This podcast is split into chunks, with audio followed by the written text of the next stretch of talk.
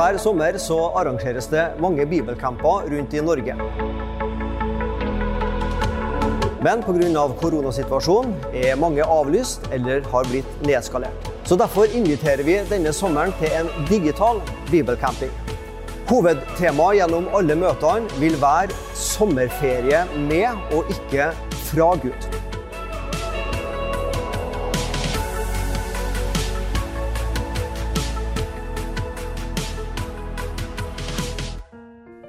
Velkommen til digital sommerbibelcamping fra Norsk Luthersk Misjonssamband og Norea Mediemisjon.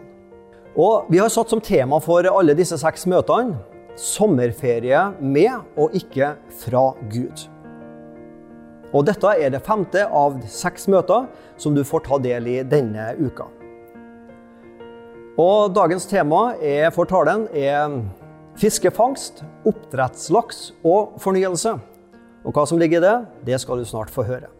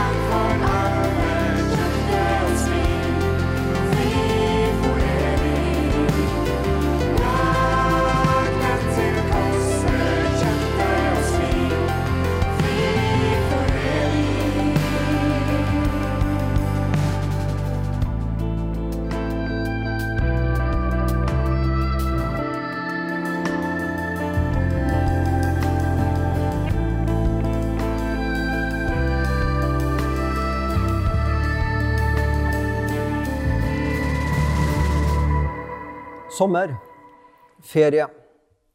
Vi dyrker gjerne ulike fritidsaktiviteter. Eller vi har forskjellige ferieinteresser. Vi kan pusse opp hus og hytte. Vi kan gå, gå, gå, gå, være ute på tur både lenge og seint. Noen liker å kjøre veldig mange mil i bil og se nye steder. Spennende, det. Eller kanskje er du blant dem som trives best med å ligge på stranda eller på verandaen og ta til deg den herlige brunfargen som sola kan gi deg. Eller kanskje er du blant dem som syns det er veldig kjekt om sommeren å fiske. Enten å gå ut i båt og ut på sjøen og prøve å få noe laks eller sei eller torsk. Eller du står langs elva og prøver å få laksen der. Ja, i dag skal det handle altså om fisking. En fritidsaktivitet jeg vet absolutt ingenting om, for jeg har ikke prøvd det. Men vi skal på en fisketur sammen med disippelen Peter og noen andre av Jesus sine etterfølgere. For mange av Jesus sine disipler var nettopp fiskere av yrke. Og Den fisketuren vi nå skal lese fra, det er fra Johannes kapittel 21, eh, som faktisk var sist søndag sin prekentekst. Og Denne fisketuren det ga disiplene en etterlengta fornyelse i troslivet. De opplevde rett og slett en ny åndelig, frisk vind kom innover sitt liv i løpet av denne fisketuren på Tiberiassjøen, som også kalles Genesaretsjøen.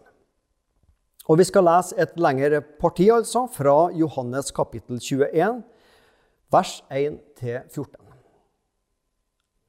Siden åpenbarte Jesus seg igjen for disiplene ved Tiberiassjøen. Og han åpenbarte seg da på denne måten.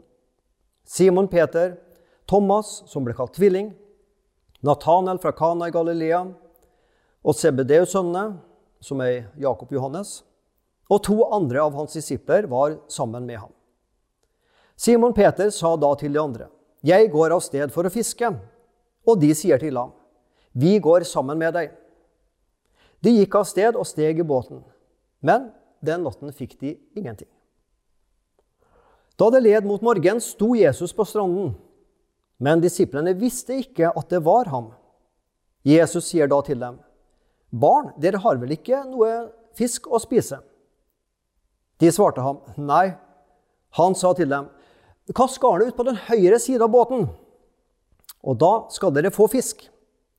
De kastet det da ut, og nå maktet de ikke å trekke det opp. Så mye fisk var det. Den disippelen som Jesus elsket, sier da til ham, til Peter, 'Det er Herren'. Da Simon Peter hørte at det var Herren, bandt han kappen om seg fordi han var naken, og han kastet seg i sjøen. Men de andre disiplene de kom etter i båten. De var ikke langt fra land, bare omkring 200 alen, og de slepte garnet med fisken etter seg.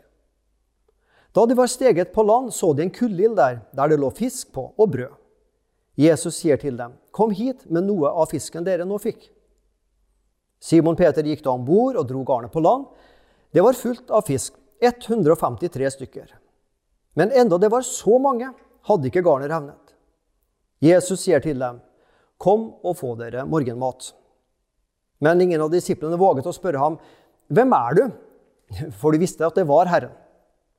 Jesus kommer og tar brødet og gir dem, og likeså fisken. Dette var tredje gang Jesus åpenbarte seg for disiplene etter han var reist opp fra de døde. Vi befinner oss noen dager, kanskje en uke eller noe sånt, etter at Jesus er stått opp fra de døde. Den siste påska. Siden Jesus var død, så hadde mismodighetens tåke stengt utsikta til troens liv og troens verden for disiplene. Men så kommer disse kvinnene og forteller at Jesus er borte. Han er jo ikke her. Han er stått opp. Også de elleve disiplene har møtt Jesus to ganger før dette tredje møtet, som det står om. Men jeg tror ikke de helt hadde skjønt denne betydninga av Jesu oppstandelse. For de, de, sier til hverandre liksom, ja, hva nå med oss? Hva, hva skal vi finne på nå, da? Blir ting som før, eller blir ting forandra? Og Forvirra av de siste dagers hendelser så tenker de ok, vi får drive på med det vi kan best av alt, og det er å fiske. Tåke, mismodighetens tåke. Ja, Det kan sikkert fiskere oppleve at det kommer tåke på sjøen, men jeg tror også i troens liv så erfarer vi at usikkerheten og tvilen kan legge seg som ei tåke innover livet vårt. Den er ikke god. Men det fins også en annen type tåke som eh, kan komme. Og Den kaller jeg for selvfølgelighetens tåke. Ja, selvfølgelig er jeg kristen. Ja, selvfølgelig skjønner jeg det her med Jesus. Ja, selv, selvfølgelig, selvfølgelig har jeg liksom forstått det her med frelsen og Jesus og alt det her. Og så er det bare det at når ting blir selvfølgelig, så slutter vi med å i hvert fall Vi stopper litt med det her med å, å undre oss. Når frelse blir selvfølgelig, da, da, stopper jeg og tenker at Oi, tenk at det var for meg òg. Tenk Jesus at du døde akkurat for meg. For mine synder. Selvfølgelighetens tåke kan faktisk være ei farlig tåke. Der det blir mye selvfølgelig, blir det lite undring. Der blir det lite takk, tilbedelse og lovsang. Opplever vi derimot å få noe uventa, så fylles hjertet med takk og tilbedelse.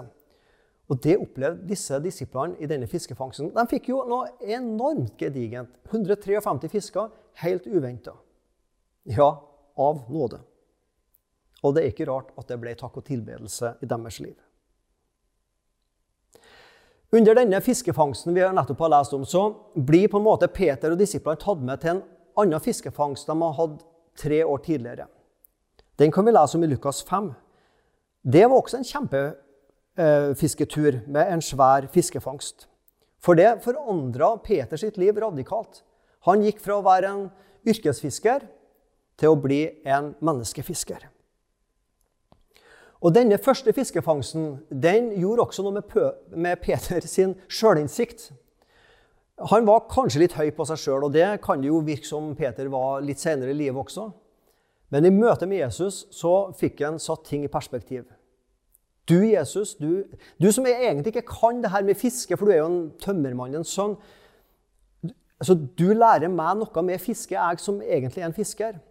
Du må være hellig og stor. Og Herre, du må gå fra meg, for jeg er en syndig mann. Det er jo faktisk det Peter sier. Herre, gå fra meg, for jeg er en syndig mann. Sjølinnsikt. Det Peter egentlig ba om, det var Herre, du må for all del ikke gå fra meg, for jeg er en syndig mann. Det er virkelig noe jeg trenger deg. Han fikk et nytt syn på seg sjøl, et ærlig og sant syn, at jeg er en synder. Og han fikk et nytt syn på Jesus. Du er hellig, du er mesteren, du er frelseren. Og nå blir han, I denne fiskefangsten fra Johannes 21 så blir Peter tatt med tilbake til den første fiskefangsten. Og noe, noe han tidligere har opplevd, på en måte gjenopplives i Peters sitt liv. Da jeg var ungdom, det er lenger siden enn jeg sjøl liker å tro, så sang vi i både vårt ungdomskor og mange kristne ungdomskor på den tida en sang av Andrew Crouch som heter sånn Take me back to the place where I first believed you. Take me back to the place where I first received you. Ta meg tilbake dit hvor jeg først kom til tro. Ta meg tilbake, Jesus, dit hvor jeg først tok imot deg. Sangen formulerer ei bønn om å få oppleve på nytt det jeg erfarte som en ny kristen. Nemlig lengselen tilbake til den første kjærligheten da jeg først ble kjent med Jesus. Take me back. Ta meg tilbake dit jeg den gang var. Som troende så lengter vi tilbake til den første begeistringa, den boblende gleden av å ha møtt Jesus. Jeg elsker deg, Jesus, og du elsker meg. Og å, for ei tid det var. Ja, det var nok også et tid med tvil og på mange måter vanskelige ting òg. Men kanskje med året så har noe av den første kjærligheten, gleden, boblende troa på Jesus kanskje blitt litt svakere for mange av oss. Vi trenger fornyelse i kirka og bedehus. Vi trenger, å tatt, vi trenger å bli tatt med tilbake til denne første opplevelsen av å få møte Jesus, da jeg bekjente mine synder og tok imot Han som frelser og herre i livet. Har noe gått tapt på veien? Har vi mista noe av den første kjærligheten i årenes løp? Hva kan jeg og du, hva må vi gjøre for å gjenvinne gløden begeistringa, undringa. Jesus stiller følgende retoriske spørsmål til disiplene.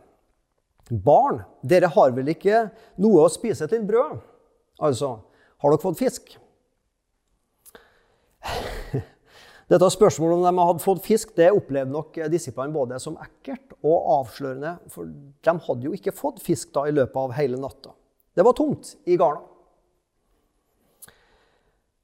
Når disippelen Johannes tok med denne fortellinga i sitt evangelium, så var det neppe bare for å gjengi en historie.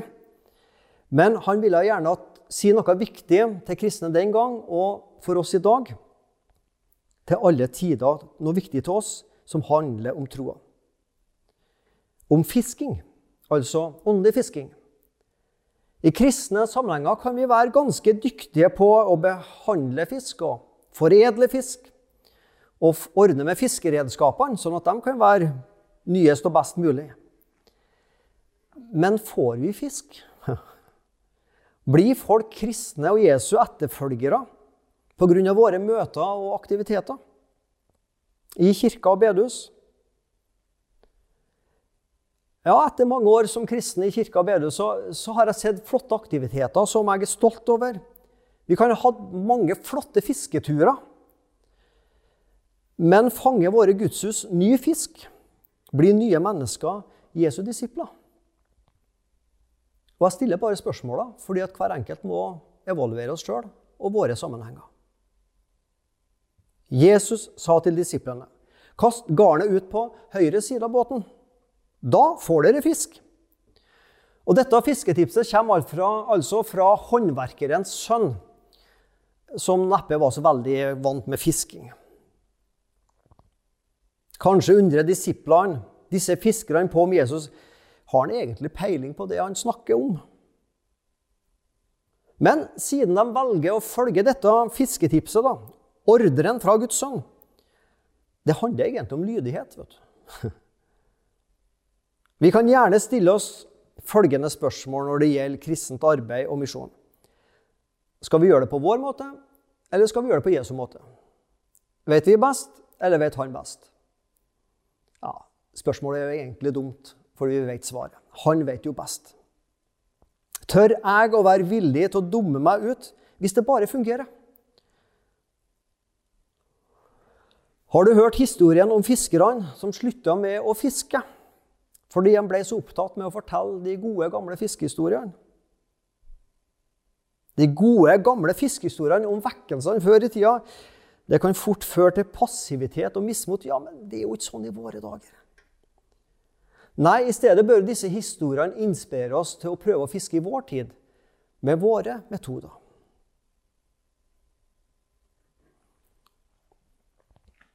Jeg er ganske sikker på at alle som driver med fisking Og igjen, jeg er ikke blant dem.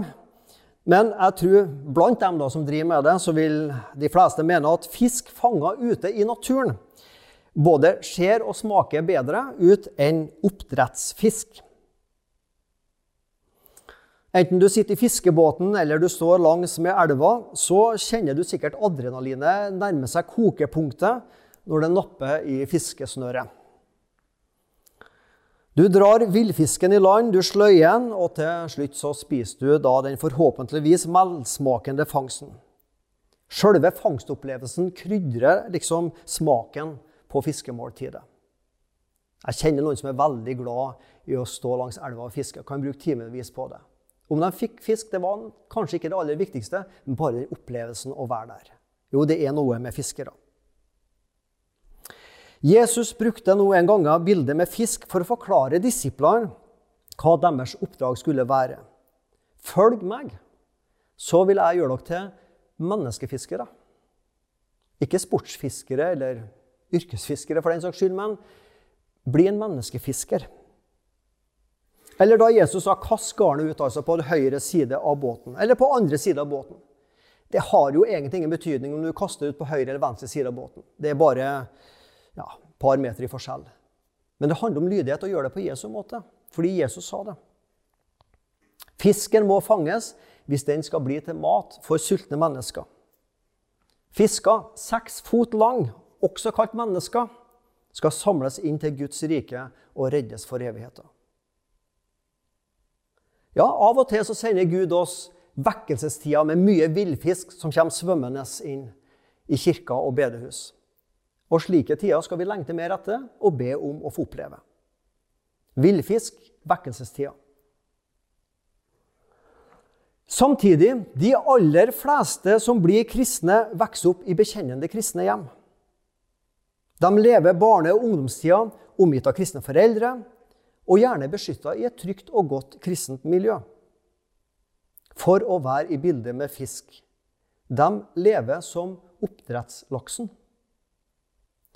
Og det skal vi ikke snakke negativt om eller se på som mindre betydningsfull. Oppdrettslaks er jo også fisk. Lær den unge den veien han skal gå, så viker han ikke fra det når han blir gammel.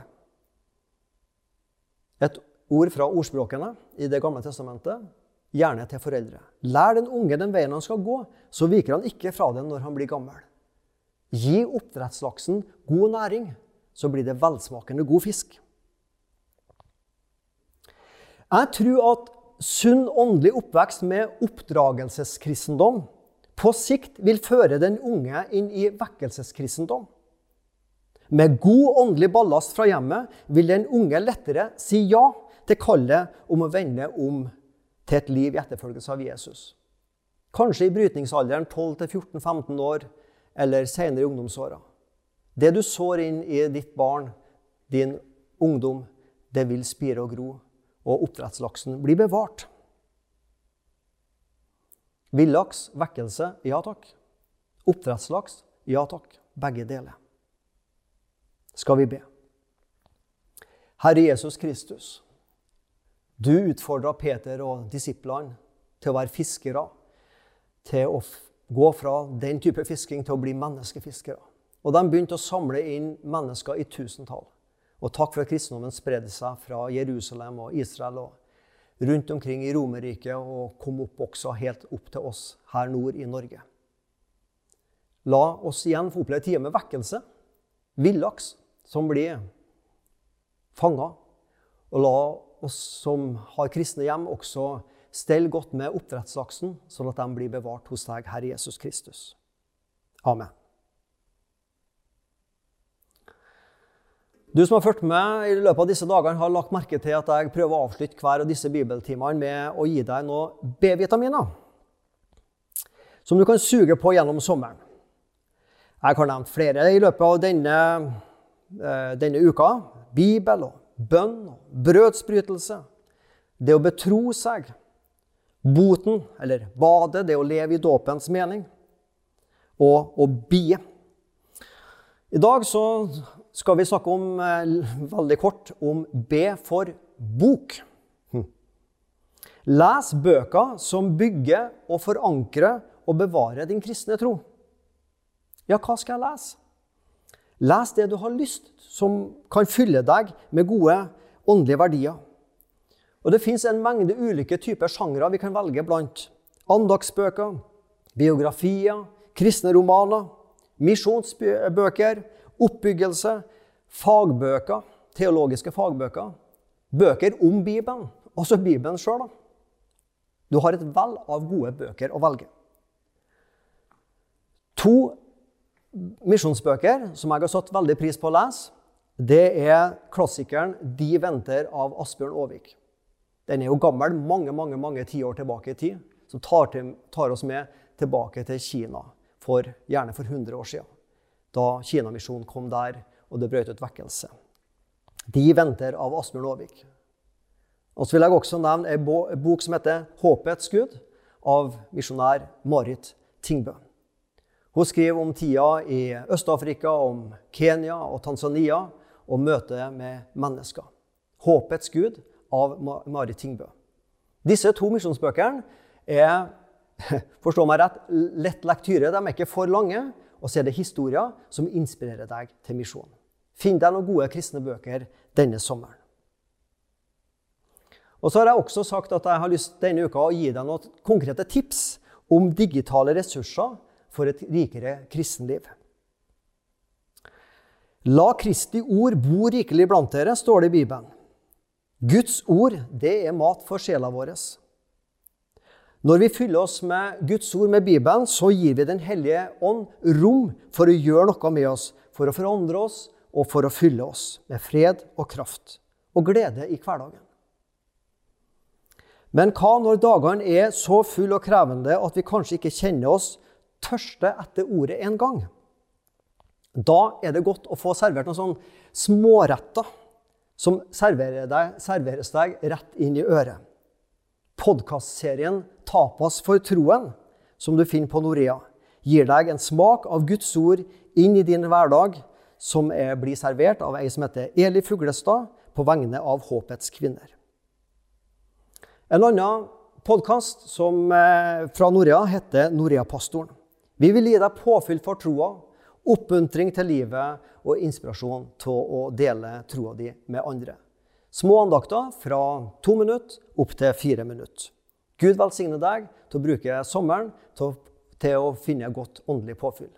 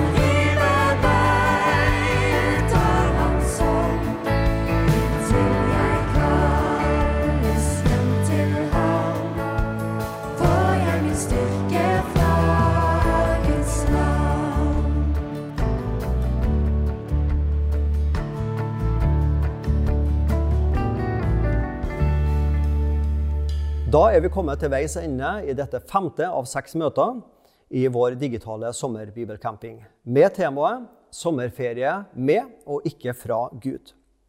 Og I morgen så er vi tilbake med det sjette og siste møtet i denne bibelcampen fra NLM og fra Norea. Og Vi avslutter med å løfte blikket og skal ta med oss et lite glimt fra en helt konkret misjonsarbeid og prosjekt som Norsk Luthersk Misjonssamband driver. Ha fortsatt en fin dag. I det tørre innlandet øst i Kenya ligger landsbyen Bangale. Over halvparten av befolkningen her har drikkevann med dårlig kvalitet. Ofte deler dyr og mennesker samme vannkjelde. Dette er Halima, og hun jobber i vannprosjektet som NLM driver med støtte fra Norad. Hennes oppgave er å opplyse og oppmuntre til god hygiene. Hun forteller at folk blir syke av vannet fordi det hentes fra den store dammen utenfor landsbyen. Folk drikker vannet direkte uten å behandle det først. Vannet er jo stillestående. Så vi må lære folk at de f.eks. skal koke vannet før en kan drikke det. Området her har de siste åra vært prega av tørke. I tillegg gir høy fordamping, porøs jord og mange tørste kameler og kyr at vannkjeldene ikke holder lenge på vannet. Derfor konstruerer vannprosjektet sisterner som er mer pålitelige. Disse blir bygget i lag med landsbyfolket i samarbeid med nasjonal prosjektleder og andre fagfolk. Dette gir lokalbefolkninga eierskap til prosjektet og sikrer langsiktig bærekraft. Sisternene skaper flere positive ringvirkninger i lokalsamfunnet. F.eks. har gangavstanden til vannkjeldene blitt kraftig redusert.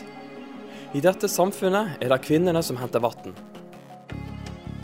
Hver dag bruker de normalt lang tid på dette.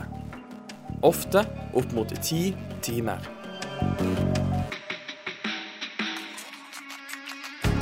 Men nå er avstanden redusert, og kvinnene bruker nå bare en halv time på det samme arbeidet.